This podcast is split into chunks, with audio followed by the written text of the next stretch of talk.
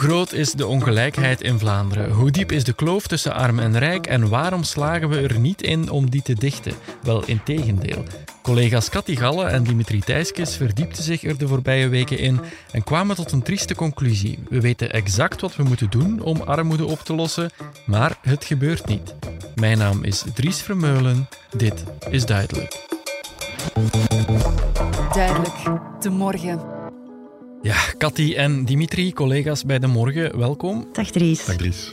Jullie zijn voor onze krant voor De Morgen bezig met een uh, grote onderzoeksreeks die heet De Kloof en dat gaat over ongelijkheid in Vlaanderen. Klopt. Hoe groot is die ongelijkheid? Als we kijken naar de, naar de cijfers, uh, de afgelopen twintig jaar bijvoorbeeld, is, zien we bijvoorbeeld dat de de kinderarmoede bijvoorbeeld verdubbeld is. Maar ook um, uh, alle, allerlei indicatoren wijzen erop dat, dat er toch uh, steeds dat de kloof tussen degenen die weinig hebben en degenen die heel veel hebben, dat die toch alsmaar groter wordt. Het is wel niet zo dat wij daar meer een uitzondering zijn in, in Europa. We zien dat over het algemeen wel en dat België op zich internationaal bekeken nog wel vrij goed doet. Maar mm ja, dat, dat, wil niet zeggen dat het goed is. Hè. Het is tegenover de ons omringende landen. Maar de, de, de kloof tussen arm en rijk in heel de wereld is de afgelopen jaren afgelopen decennia eigenlijk alleen maar groter geworden. Ja, want je zou eigenlijk het tegenovergestelde vermoeden, hè, dat armoede steeds beter wordt aangepakt of, of net vermindert, uh, maar dat is dus niet waar. Ja, we hebben heel veel wat uh, experten gesproken en die zeggen eigenlijk allemaal hetzelfde. Als je kijkt naar het beleid dat gevoerd wordt in ons land en in Vlaanderen, dan zit daar eigenlijk niks tussen dat echt het vermogen heeft om de armoede te doen dalen. Er zijn een aantal uh, maatregelen die genomen zijn en die zo voor een extraatje zorgen of die wel ergens zo flankerend werken, maar het echt structureel doen dalen, daar hebben we het beleid gewoon niet voor. Waar gaat het dan zoal mis met dat beleid om die kloof tussen arm en rijk te dichten? Vooral bijvoorbeeld als je kijkt naar de, de erfbelasting. Dat zou bijvoorbeeld een ideaal middel kunnen zijn om die ongelijkheid uh, kleiner te maken. Maar dat gebeurt niet, want wij zitten eigenlijk al uh, ja, sinds de Franse Revolutie ongeveer met een gelijkaardige erfbelasting. Dus daar gebeurt zo weinig mee met die erfbelasting als instrument tot herverdeling, ja, dat je ook die ongelijkheid niet kunt, uh, kunt weghalen. Ja, dat is bijvoorbeeld iets wat uh, ook heel onpopulair is bij de bevolking. Terwijl dat eigenlijk voor, vooral voor de onderste laag van de bevolking, de mensen die weinig hebben, zou, zou dat net het instrument zijn dat voor hen uh, zou kunnen brengen of extra's zouden kunnen opbrengen. Zou dan de belasting op arbeid kunnen verlagen en die op hoge erfenissen, dus vanaf 1 miljoen of vanaf 10 miljoen kunnen verhogen. Maar daar is helemaal geen animo voor. Integendeel, hè. vanuit de politiek klinken eigenlijk alleen maar stemmen om het zelfs af te schaffen of om het zeker fors te verlagen. Dus uh, dat, zit, dat zit er niet aan te komen. Uh, terwijl dat, inderdaad, zoals Cathy zegt, het instrument is, dat zeggen experts ook, bij uitstek om, om ongelijkheid aan te pakken. Omdat, dat is eigenlijk ook on, oneerlijk. Hè. Dus um, mensen starten al, als men spreekt van mensen die starten met een voorsprong in het leven, ja, mm -hmm. dan zijn erfenissen daar het, uh, het uh, symbool van eigenlijk. Hè. Dus eigenlijk zou het zowel voor socialisten als liberalen in hun ideologie moeten passen om uh, die erfbelasting te verhogen. Maar ja, dat, dat, krijgen we, dat krijgen ze niet verkocht aan, aan, aan de bevolking, omdat mensen heel vaak denken dat het dan over hun erfenissen gaat, terwijl 75% van de erfenissen zijn kleine erfenissen. Enfin, kleine, dat gaat over de gezinswoningen, 200, 250.000 euro. Terwijl, ja, waar wij hier over spreken, waar eigenlijk zou aangepakt moeten worden, zijn de, de vermogens van 1 miljoen, 10 miljoen. Maar ja. daar blijkt dat die eigenlijk bijna niks betalen, omdat uh, ja, er allerlei uh, wegen zijn om uh, de erfbelasting te omzeilen. -hmm. um, als we kijken naar de andere kant dan van de kloof, de mensen die net heel weinig hebben, hebben we daar cijfers van hoeveel armoede er is in Vlaanderen en wat is armoede eigenlijk? Ja, daar is altijd wel wat discussie over de cijfers, omdat we verschillende definities kan geven, maar er is wel een... Uh, een, een, grote Europese enquête uh, die meet armoede en sociale uitsluiting. Dus dat is wat, wat nu wordt bekeken. Er zijn een aantal factoren uh, die bepalen, dat is financieel, maar ook andere factoren die bepalen of iemand als arm beschouwd kan worden. Mm -hmm. En in België um, is dat 18,7 procent, als ik het goed heb. Dus een kleine 20 procent uh, die arm is op basis van die criteria. Dat is heel veel. Dus hè? dat is veel, hè? dat is 1 op de 5. En dat blijkt bijvoorbeeld ook, um, want wat wij ook gedaan hebben, is dus gekeken hoe zit het nu met de verdeling van het vermogen. hoeveel heeft iemand een bezit. Mhm. En daar zie je bijvoorbeeld de armste uh, 10%, die hebben niks, die hebben zelfs 15.000 euro schulden, terwijl de rijkste 10%, die hebben uh, een vermogen van uh, 2 à 3 miljoen. Dus je Ja. ziet daar die kloof enorm. Hè. Dus er is inderdaad nog wel een groot gedeelte van, van de Vlaamse bevolking die, die zelfs een negatief vermogen hebben, 10%. Dat gaat toch over uh, 1 miljoen Vlamingen die, die zelfs een negatief vermogen hebben. Dat is toch grote aantallen. Hè. Dus het is, het is niet te verwaarlozen. Mhm. Um, hoe belanden mensen in die armoede? Dat zijn, is dat vaak overgeërfde armoede? Mensen Ja. die daarin geboren worden? Of, of kan dat ook andere Ja, oorzaken het hebben? kan ook andere oorzaken hebben. Hè. Ehm, er is een hele range eigenlijk van, van, van oorzaken. Dus je, kan, je hebt generatiearmoede. Dat zijn mensen die er echt in geboren worden, waar Mhm. het van, kind, uh, van ouders op kind doorgegeven wordt en vaak nog vele generaties verder. Maar je hebt ook mensen, en die groep uh, wordt eigenlijk steeds groter, mensen die tijdens hun leven plots iets voor hebben en daardoor in de armoede terechtkomen. Ja. En dan hebben we het heel specifiek over mensen die bijvoorbeeld een scheiding meegemaakt hebben en die alleen komen te staan, plots alle kosten alleen moeten dragen en dat niet aankunnen. We hadden onlangs nog in de krant ook het verhaal over de deeltijds werkende vrouwen. Dat is een hele kwetsbare groep. Ja. Als je deeltijds werkt en uh, je komt in een scheiding terecht en je valt terug op je deeltijdsloon, Later heb je ook minder pensioen omdat je deeltijds gewerkt hebt. Die mensen komen in de armoede terecht. Dus dat zijn eigenlijk heel verschillende eh, categorieën van mensen, ook heel verschillende vormen van armoede. Want ja, wat, u vroeg daarnet, wat, wat is armoede? Dat is ook heel divers. Je hebt mensen die... Er, is heel, er zijn heel extreme, schrijnende vormen van, van armoede. Dan heb je het echt over daklozen en, en, en, en uh, die groepen. Maar je hebt ook mensen die, waar je het eigenlijk niet aan ziet, zeg maar. Ja. Maar die echt wel ja, die gewoon te weinig middelen hebben. Generatiearmoede gaat dan niet alleen over te weinig middelen hebben, maar gaat ook vooral over allerlei andere factoren die, die meespelen in het, um, ja, in, het, in het fenomeen, zeg maar. Ja, ik, ik las ook in een van jullie stukken uh, in deze reeks, armoede is voor een groot stuk een woonprobleem. Ja. Voor heel veel mensen komt dat erop neer ja, dat, dat wonen gewoon te duur is. Armoede begint vaak bij wonen. Of Mhm. eigenlijk armoede oplossen begint ook bij wonen. Hè? Dus Ja. je, kan, je kan het langs beide kanten zien. Wonen, dat betekent een goede woning of een, een, gewoon een woning hebben Mhm. die in goede staat is en die betaalbaar is. Dat kan ervoor zorgen dat je niet in armoede terechtkomt of dat je als je in armoede zat eruit geraakt. Ja. Maar wij zitten met een wooncrisis Mhm. in Vlaanderen. Dus dat is een, een, een heel uh, prangend probleem dat ook niet echt opgelost wordt. Want ook daar volgt het beleid niet in. Integendeel zelfs. Hè. Alles begint bij wonen. Daar komt het eigenlijk op neer. Dus als je een woning hebt, dan volgt al de rest. Dat is eigenlijk een, een bekend principe in de sociale wetenschappen. Housing first heet dat. Ja. Dat merk je ook bij mensen met uh, zware drugproblemen, daklozen. Geef die mensen een woning en alle andere problemen worden één voor één ook opgelost en die mensen kunnen weer verder. Maar als die woning ontbreekt, en dan heb ik het echt over woning hebben en een goede woning hebben, ja, dan kan je ook niet verder werken en dan raak je er niet uit. Mm -hmm. ja, en daarom is het ook zo schrijnend dat, uh, dat we hier met een wachtlijst zitten uh, voor de sociale woningen, die ondertussen ja. al is opgelopen tot 180.000, als ik het goed heb.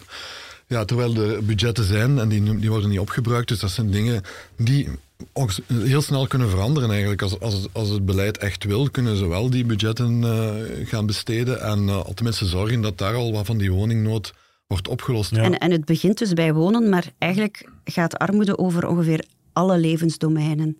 Dus als je geen goede woning hebt om in te wonen, Um, en je groeit daar bijvoorbeeld als kind op. Hè, en je gaat naar school, dan, ga je, dan heb je meer kans om ook problemen op school te krijgen. Uh, de schooluitval bij kinderen in slechte woningen is bijzonder groot.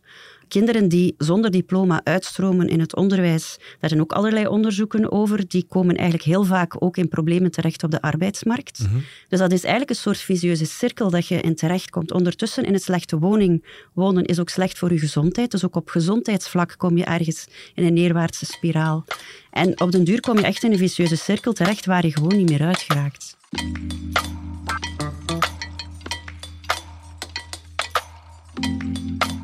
Ik ben uh, Cindy van Gelderop, 33 jaar en ik werk bij het Netwerk tegen Armoede als ervaringsdeskundige in armoede en sociale uitsluiting. Opklimmen uit armoede is notwaar een ontzettend moeilijke klus. Wie in armoede geboren wordt of er door omstandigheden in terechtkomt, raakt er heel moeilijk weer uit. Het netwerk tegen armoede verzamelt alle mogelijke kennis en ervaring om mensen in Vlaanderen en Brussel daarbij te helpen. Cindy van Geldorp werkt er als ervaringsdeskundige. Want zij weet heel goed wat het betekent om op te groeien met weinig financiële middelen. Ik heb uh, ervaring met armoede in die zin dat ik er eigenlijk ja, quasi in geboren ben en dus heel mijn leven in opgegroeid eigenlijk. En ja, dat was niet zo evident natuurlijk. Zeker niet allee, thuis gemerkt dat er financieel heel veel zorgen waren. Um, een gezin met drie kinderen, alleenstaande mama. Dus dat had direct wel wat gevolgen voor ons allemaal, vooral ook financieel, maar ook naar school toe. Dus heel snel ook geconfronteerd geweest met pesterijen en uitsluiting op school. Maar ook als het ging over hobby's doen of, of bijvoorbeeld korfbal doen, daar ook overal eigenlijk geconfronteerd zijnde met pesterijen, met uitsluiting, omdat er niet de middelen waren voor de meest ja, modieuze kledij te kopen. Ehm, we hadden wel kledij, we hadden onze verzorging, wat ik persoonlijk nog altijd belangrijker vind dan het financiële of zo, of dan hè, de meest dure kledij. Maar dat heeft allemaal wel een impact gehad. Ja, je zegt je bent opgegroeid in een gezin met een alleenstaande moeder en drie kinderen. Dat is dan meteen ook de oorzaak waardoor jullie in armoede terecht zijn gekomen. Ja, mede daardoor omdat mijn papa heel vroeg is weggevallen. Die is overleden toen ik eigenlijk ja, nog net geen tien maanden oud was. Mhm. En ja, op dat moment, ik ben ook de jongste van drie, dus op dat moment komt mijn mama er plots alleen voor te staan met drie kinderen, uh, waarvan mijn broers al alle twee schoolgaand waren, lagere school. En dan ja, nog een babytje. Dus ja, naar het financiële plaatje toe. Om alles te kunnen blijven bekostigen met nog maar één inkomen. Um, zij heeft er dan ook voor gekozen om te stoppen met werken, omdat zij vooral er voor ons wou zijn en voor haar kinderen wou zorgen, wat dat heel mooi is. Maar natuurlijk, door niet te gaan werken, heeft dat financieel ook gevolgen, waardoor zij ook een heel laag inkomen had. Ja, en als ik jou hoor vertellen over hoe je opgroeide in die armoede, dan heb ik de indruk dat niet dat financiële of materiële tekort jou vooral raakte, maar wel de sociale uitsluiting die daaruit volgde. Absoluut, omdat in de kern gaat armoede over een gebrek aan financiële middelen, mhm. maar net door het gebrek aan die financiële middelen heeft dat zo'n groot effect op jou als persoon in die zin er is eigenlijk geen enkele reden voor niemand niet om zich te schamen voor hoe dat die leeft of de situatie waarin dat die leeft. Maar ik heb heel hard gemerkt dat vooral door hoe dat anderen naar mij kijken of keken in het verleden, dat dat er vooral voor zorgde dat ik heel onzelfzeker ben geworden. Dat ik dacht van, wat is er mis met mij? Ben ik anders? Door wat komt dat? Het zal wel aan mezelf liegen. Terwijl dat er eigenlijk geen reden voor is, maar het is heel vaak door de druk die je onbewust vaak voelt vanuit een omgeving, vanuit de realiteit, dat heel veel mensen worden ja, uitgesloten, worden gepest, dat ze die andere blikken op zich gericht krijgen, dat je je ook anders gaat voelen. En dat heeft natuurlijk een effect op jouw opgroeien en ontwikkelen. En dat maakt het super moeilijk om dat terug te gaan doorbreken. Mm je vertelde, je bent daarin geboren eigenlijk in die situatie. Je hebt nooit iets anders gekend. Wat maakte voor jou als kind voor het eerst duidelijk dat, dat jouw situatie anders was dan die van veel andere kinderen?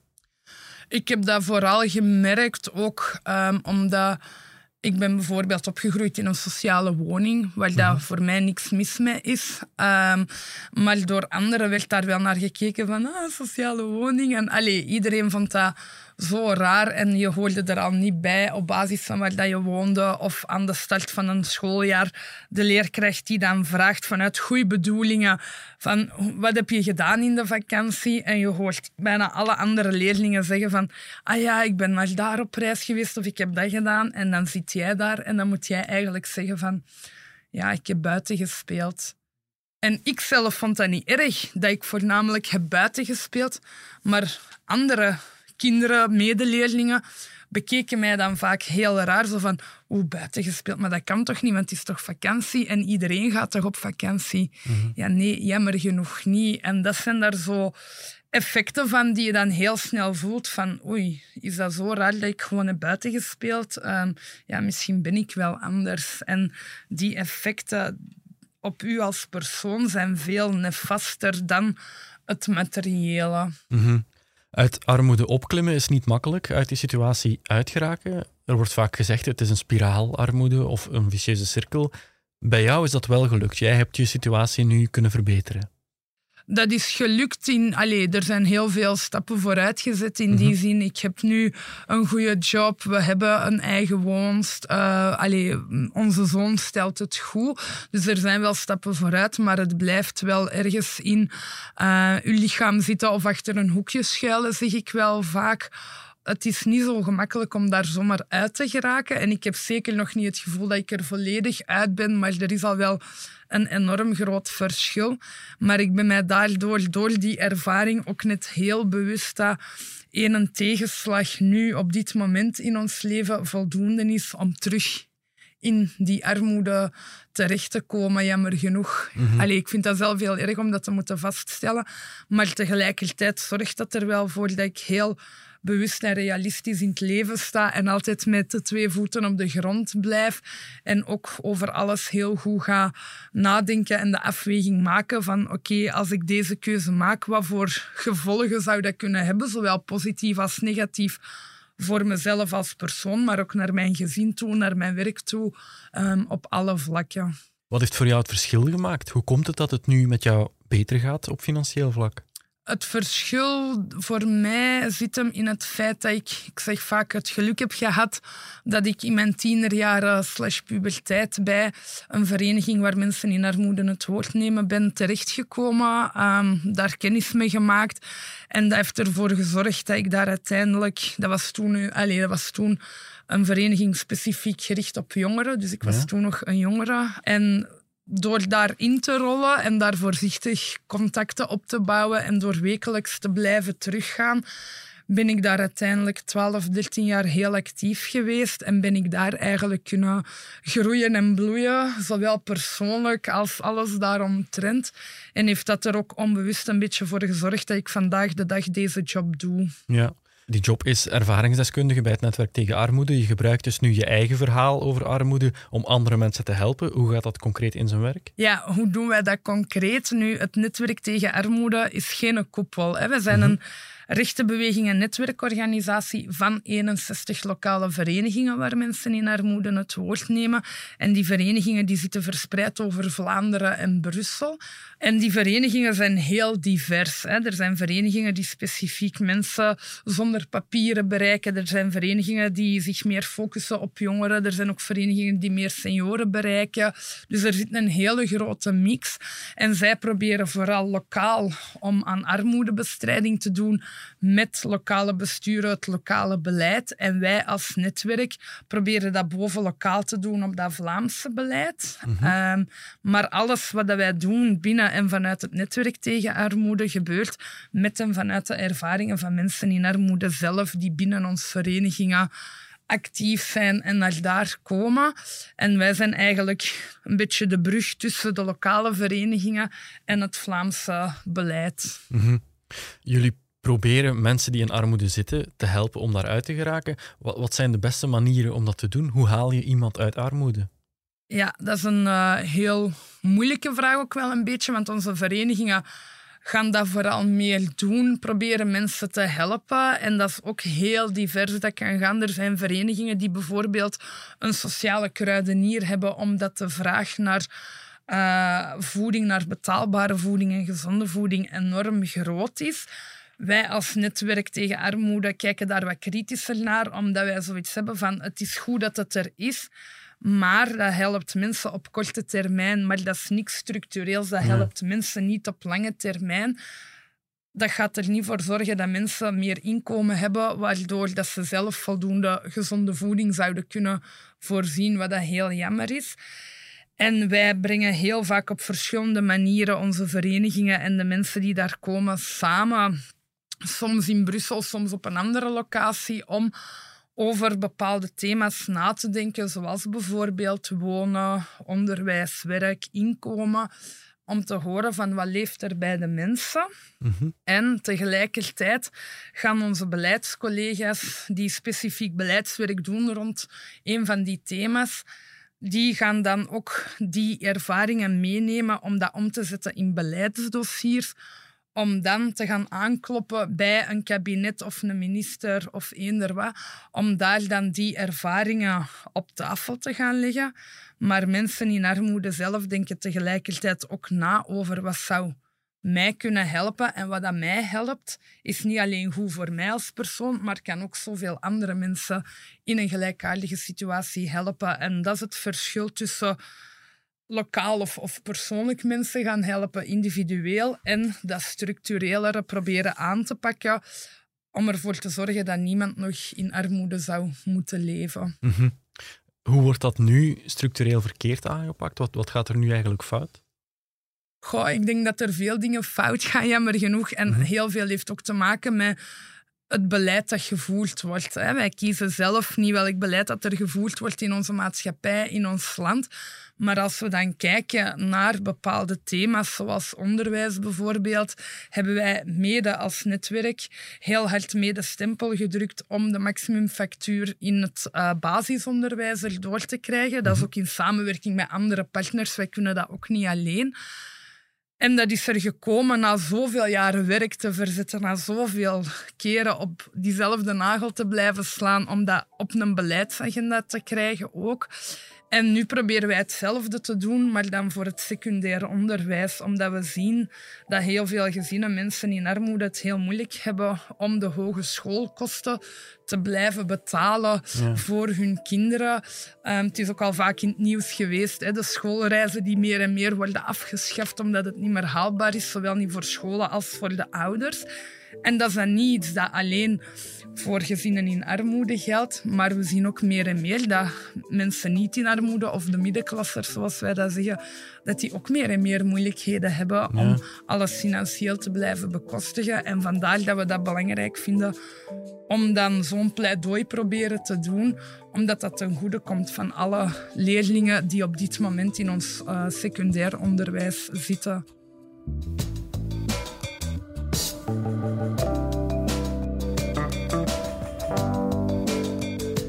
Cathy en Dimitri, als we het hebben over oplossingen voor de ongelijkheid, de Vlaamse regering focust dan heel vaak op werk. Ehm, werken is de manier om uit armoede te geraken, wordt dan gezegd. Ze reiken de jobbonus uit om werken te stimuleren en zo verder. Is dat ook wat experts daarover zeggen? Is dat inderdaad waar de focus op moet worden gelegd? Werk is inderdaad een bescherming hm. tegen armoede. Ja.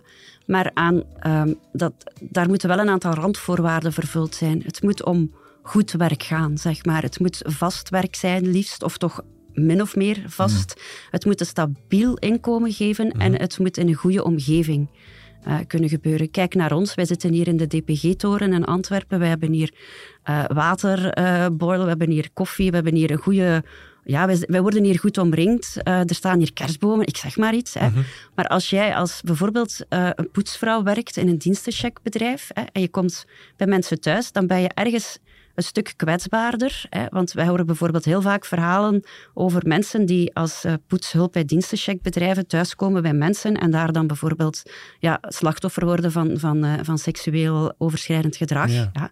Dus dat bedoel ik met, het moet een goede omgeving zijn. Het moet um, een, een stabiel inkomen geven, maar die dingen worden er vaak niet bij gezegd door de overheid. Ja, om misschien nog eens een naïeve vraag te stellen. Ik dacht altijd, we betalen hier in België redelijk veel belastingen, maar in ruil krijgen we daarvoor dan ook een best goede sociale zekerheid. Wie werkloos is bijvoorbeeld, krijgt een uitkering en zo verder. Dat zou ons moeten beschermen tegen armoede, maar blijkbaar doet het dat niet echt. Ja, nee, dus het, is, uh, het is duidelijk dat dat, dat dat niet zo is. Nee. Want er zijn nog een groot aantal mensen die, uh, die een werkloosheidsuitkering krijgen en die in de armoede belanden, omdat de werkloosheidsuitkeringen ook niet, niet hoog genoeg zijn om, om, uh, om, om, om te kunnen overleven eigenlijk. Hè. En ook bijvoorbeeld OCMW-uitkeringen en zo, daar wordt dan altijd wel gezegd, die zijn heel hoog, maar uiteindelijk zijn die niet voldoende om, om, om, leefbaar te kunnen leven. Hè. Die dus zitten onder de Europese armoedegrens, hè, onze uitkering. Allee, er wordt vanuit de overheid heel vaak gezegd, en er is heel veel gespin bij, hè, bij politieke partijen. Zeker bij, een, allee, bij de huidige regeringspartijen. Die hebben het heel graag over, ja, als, we moeten die uitkeringen verlagen of werkloosheidsuitkering in de tijd beperken, want dat, dat um, laat mensen in hun hangmat liggen. Hè. Dus dat klinkt heel goed en mensen zijn daarmee weg. als je daar niet verder over nadenkt, dan dat dringt door in de hoofden van mensen. De waarheid is gewoon dat die uitkeringen veel te laag zijn om in uw hangmat te kunnen liggen. Dus dat is gewoon onmogelijk. Het, het houdt mensen ook in armoede. We, we hebben ook een vergelijking gezien hè, met andere Europese landen. Wij hebben veel meer arme werklozen dan andere landen. Ja. Omdat die werkloosheidsuitkering net laag is. Als je die beperkt in tijd, hè, dus dat zou dan als stimulans moeten dienen om mensen meer aan het werk te krijgen. Maar heel veel mensen die in werkloosheid zitten, die willen werken die willen wel werken, maar er spelen andere factoren mee waardoor, ze niet, niet, niet, waardoor het niet lukt. Ze zijn te laag opgeleid bijvoorbeeld, dat is een van de hoofdfactoren. Hè. Ehm, of ze komen in jobs terecht waar ze eigenlijk zich niet goed voelen, waar de omgeving niet goed is, waar ze eigenlijk ja, het gevoel hebben van ik zit hier vast en dan gaan ze er weer uit. Dus er is, het is gemakkelijk gezegd, iedereen aan het werk. Als je echt iedereen aan het werk krijgt, of zoveel mogelijk mensen aan het werk krijgt in goede jobs, ja, dan gaat de armoede dalen. Ja. Maar daar zijn we nog lang niet. En, en een ander aspect misschien, eh, als het over uitkeringen, gaat niet over uitkeringen in dit geval, maar het is, het is ook wel een belangrijke factor, is ook de pensioenen die niet hoog genoeg liggen. Voor arbeiders bijvoorbeeld, de- waar de pensioenen vrij laag liggen. Waardoor dat we zien dat ook veel oudere mensen, zeker die, die huren, zijn er ook heel veel die in de, in de problemen komen achteraf. Hè. Dus dat is ook een heel belangrijke factor die we gezien hebben. Of je een huis huurt of, eh, of een, een, in een, eh, een gekocht huis woont, is ook een enorm belangrijke factor. Want als, als je eh, terugvalt op een, op een laag pensioen, je moet eh, ehm, huur betalen, dat nog ook nog eens geïndexeerd wordt, ja, dan, dan is het ook enorm moeilijk. Dus ook daar, met die pensioenen, zijn er ook wel problemen. Mhm. Eh, jullie hebben voor deze reeks met heel veel getuigen gesproken, met experten gesproken, met beleidsmensen ook. Een van jullie conclusies is, eigenlijk is het heel erg duidelijk welke stappen moeten worden genomen om armoede en om die, die ongelijkheid aan te pakken. Hebben jullie daar ergens ook goede hoop op dat dat gaat gebeuren? Dat is een heel moeilijke vraag. Ehm, ik probeer altijd wel sprankeltjes hoop te zien in dingen. Nu, de situatie is vrij, vrij somber. eh, uit reacties van de, van de ministers en eh, minister-president die we binnengekregen hebben, blijkt niet dat er inzicht is in wat er zou moeten gebeuren, of dat ze van plan zijn om te volgen dingen die eigenlijk experten, maar ook bijvoorbeeld Netwerk tegen Armoede, die dan naar armen zelf luistert, wat zij voorstellen. Ja, je merkt dat er toch niet echt een, een, een, een, goesting is om die te volgen. Hè. Nu, er is één sprankeltje hoop, wat eigenlijk gevolgd is uit iets vrij cynisch. Dus we hadden eigenlijk al... We hebben al jarenlang een interministeriële conferentie armoede in ons land. Dat wil zeggen dat alle ministers die bevoegd zijn voor armoede en ook nevendomeinen die ermee te maken hebben, dus ongeveer alles eigenlijk, ehm, die komen samen, of die kwamen samen, en die proberen dan eigenlijk een gecoördineerd beleid op te zetten. Ja, dan bedoel je ook wonen en welzijn, gezondheid, dat soort dingen. Ja, nu, ehm, alles hangt met alles samen. Experten hebben het heel vaak over het armoedeweb. Hè, en dan moet je echt zo een spinnenweb zien met overal draden, hè, van alles hangt met alles samen. Dus dat is ook de manier waarop je armoede moet aanpakken, door alles samen te nemen. Nu blijkt, eh, minister Dalle liet ons dat weten, dus Benjamin Dalle is onze minister voor armoedebestrijding, Vlaams minister. Eh, vol goede wil, vol goede bedoelingen, maar hij moest zelf ontdekken dat die conferentie al negen jaar niet meer samengekomen was. Ja. Dus tot daar het gecoördineerde beleid. Hè. Ehm, dus het sprankeltje hoop is dat de minister die we nu hebben dat wel degelijk van plan is. En die heeft ze ook die conferentie weer samengeroepen. Dus hopelijk komt daar dan iets uit. Dus dat is het sprankeltje hoop waar we ons moeten aan vasthouden. Ehm, maar ja, of dat veel teweeg gaat brengen, we kunnen het alleen maar hopen natuurlijk. Laten we dat hopen, inderdaad. En misschien draagt jullie reeks De Kloof in de morgen daar een klein beetje aan bij. Laten we het hopen. Katja en Dimitri, dank jullie wel. Graag gedaan. Graag gedaan. Ik bedank ook Cindy van Geldorp van het Netwerk tegen Armoede. En u, beste luisteraar, bedank ik ook weer om erbij te zijn. Volgende week donderdag zijn we er opnieuw met een nieuwe aflevering. In de tussentijd kunt u ons altijd bereiken via podcasts.demorgen.be. Heel graag tot volgende week. Dit was duidelijk.